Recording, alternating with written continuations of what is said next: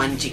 Kalau kamu mau mendapatkan sesuatu yang kamu kasih adalah ikan-ikan kecil, kamu dapatnya juga ikan kecil. Tapi ketika kamu berani untuk kasih umpan lebih besar, kamu akan dapatnya lebih besar. Nah, saya merasa kadang pengetahuan juga ibaratnya seperti itu. Kita harus berani berkorban, membayar, tapi kemudian pengetahuan yang kita peroleh itu bisa menjadi sesuatu yang jauh lebih besar lagi. Menjual pengetahuan dan juga passion. Suatu ketika di satu pabrik ada mesin rusak, mereka kebingungan mengenai penyebabnya. Kemudian dipanggillah seorang ahli mesin si ahli mesin itu datang, bunyiin mesin sebentar, krek krek mesin itu mati lagi. Tapi akhirnya dengan cepat si ahli mesin tua itu kemudian ngambil spidol dan kemudian menandai salah satu bagian di mesin itu. Dan akhirnya benar, setelah diperbaiki mesin itu bisa berjalan kembali.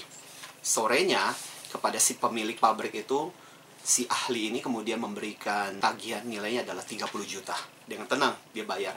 Tapi ada manajer di samping dia yang setelah si ahli ini pergi, hah Bapak bayar 30 juta hanya sesuatu yang dikerjakan hanya sekitar 30 menit. Tahu gak si pemilik bisnisnya bilang apa? Memang betul sekitar 30 menit si konsultan itu di sini. Tapi kamu tahu nggak dibutuhkan lebih dari 30 tahun buat dia untuk tahu di mana dia harus membuatkan tanda silangnya. Supaya kita tahu kerusakan mesin itu ada di mana. Dan itu yang harus dibayar mahal. Nah kalau tidak, kerugian dari perusahaan ini akan jauh lebih banyak daripada yang dia minta. Dengan begitu, si manajer jadi belajar satu hal tentang biaya dari sebuah pengetahuan. Dan memang ketika tidak ada masalah dan problem, pengetahuan sering kali kita abaikan. Kita nggak anggap nilainya. Tapi ketika kita dalam kesulitan, masalah, atau krisis, saat itu pengetahuan sering kali bernilai. Makanya si pemilik pabrik itu tahu nilai dan harga sebuah pengetahuan. Dan itulah yang membuatnya rela membayar mahal untuk pengetahuan itu itulah harga sebuah pengetahuan yang mulai harus kita sadari dan kita hargai. Kadangkala yang terjadi adalah yang mendapat pengetahuan tidak menghargainya. Sementara memiliki pengetahuan juga tidak menyadari dan tidak percaya diri bahwa pengetahuan yang dimiliki itu bisa berguna dan punya nilai. Ada satu pepatah yang sangat bagus. Kalau kamu berpikir belajar itu mahal, pikirkanlah kalau kamu membiarkannya. Bahasa Inggrisnya lebih keren if you think learning is expensive, think about ignorance. Ketika kita cuek, membiarkan kebodohan itu terjadi, ongkosnya malahan bisa jauh lebih mahal. Lantas buat Anda yang punya pengetahuan dan ilmu, gimana caranya kita bisa menjual pengetahuan? Satu, orang tidak mau membeli pengetahuan. Orang maunya membeli solusi. Jadi dari pengetahuanmu, solusi apa yang bisa kamu berikan? Itulah yang orang mau beli. Yang kedua, lihat kembali pengetahuan dan pengalaman unik kamu yang kamu miliki yang berbeda dari orang lain. Apa yang kira-kira dibutuhkan di pasar? Kemaslah menjadi sesuatu yang dibutuhkan oleh masyarakat dan orang banyak. Maka kamu pun akan mulai dicari dan dihargai. Yang ketiga, di awal-awal nggak usah hitung-hitungan dulu, tapi mulai dengan edukasi pasar.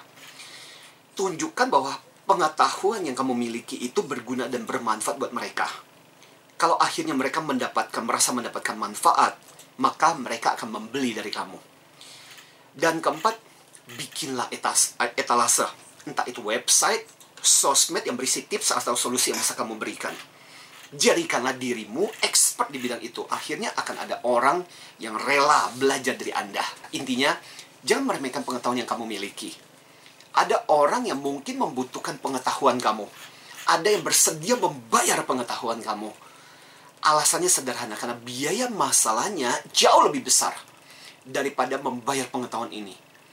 Makanya mengutip dari apa yang dikatakan oleh filosof Inggris Francis Bacon, knowledge is power. Tapi sekarang adalah era di mana knowledge is money. Ya, pengetahuan itu bisa membuat kita kaya, pengetahuan bisa membuat kita sukses, Persoalannya adalah apakah kita terus mengasah pengetahuan kita, terus membuat diri kita berguna dan menjadikan diri kita sebagai orang yang membantu orang lain mengatasi masalahnya dengan pengetahuan-pengetahuan yang Anda miliki. Dan sekali lagi buat yang belajar dan mendapatkan pengetahuan, belajar untuk menghargai pengetahuan itu. Orang yang mendapatkannya mungkin harus membayarnya dengan bertahun-tahun dan juga membayar juga. Jadi belajarlah menghargai pengetahuan orang lain juga dan ingatlah kamu bisa berada di level sekarang ini nih ya juga karena pengetahuan yang kamu miliki. So, knowledge preneur. Jadi entrepreneur dengan menggunakan pengetahuan. Ketika kita menjual pengetahuan kita, hmm. pemahaman kita. Nah, untuk bisa sampai di situ itu kita butuh tiga. Satu adalah KYC, know your customer. Siapa sih orang-orang yang sebenarnya membutuhkan pengetahuan yang Anda miliki itu. Kemudian QYB, QYB itu know your benefit. Orang sebenarnya nggak butuh pengetahuan. Yang orang butuh adalah solusi buat dia. Jadi misalnya lagi punya masalah hukum, datang ke pengacara. Oh, silakan bocor di dalam kitab KUHP. Nggak butuh, gila mana ada waktu untuk baca kayak gitu. Pak, tolong kasih tahu buat saya apa yang saya harus lakukan dalam situasi kondisi yang bermasalah secara hukum dan kondisi seperti ini.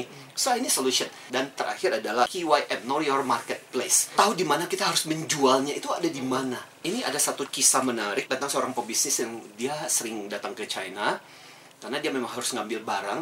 Jadi dia ditugaskan akhirnya kemudian tinggal di Hong Kong di ceritanya. Dan akhirnya karena tinggal daerah situ kemudian anaknya disekolahkan di China. Dan lama kelamaan karena kan waktu nganterin anaknya jadi dia harus neliti satu sekolah ke sekolah lain ngomong dengan sekolah. Akhirnya dia tahu. Nah satu kali adalah satu direktur yang anaknya mau disekolahkan ke China. Konsultasi sama dia.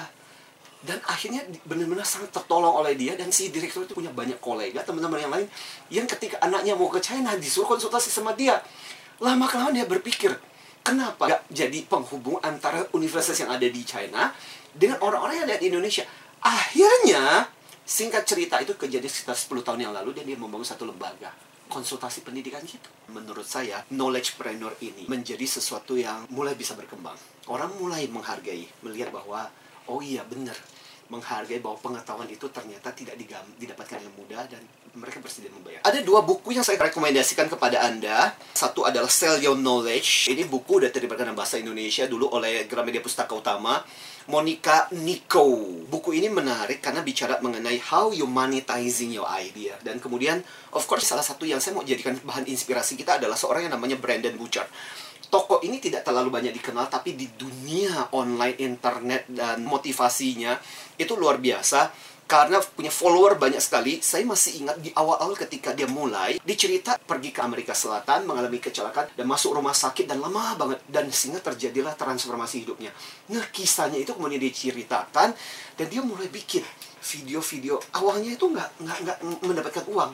Jadi dia rajin. Hampir, saya masih ingat di awal-awal saya masih ngikutin dia. Setiap kali ngirim video tanpa memungut biaya sama sekali bicara mengenai tips dan itu benar-benar serius dikerjakan. Lama kelamaan ternyata tuh followernya jadi banyak banget karena selalu memberikan manfaat dan akhirnya dia menjadi salah satu yang sangat diakui sebagai seorang motivator dan ini bukunya keren banget judulnya adalah The Millionaire Messenger. Jadi bagaimana caranya kita menjadi pembawa pesan bukan pembawa pesan yang kantongnya kosong. Kita menjadi pembawa pesan yang punya uang. Saya punya dua kertas. Satu warna hijau, ini adalah price. Satu lagi adalah value.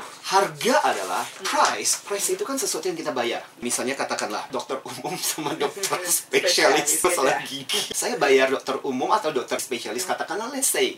Let's say setelah dicabut, katakanlah habis dicabut itu harganya 350 ribu katakanlah ya. Oke, itu kan harganya.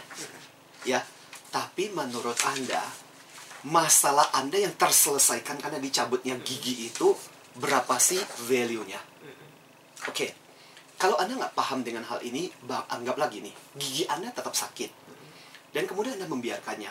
Dan gara-gara itu kemudian kerjaanmu nggak beres.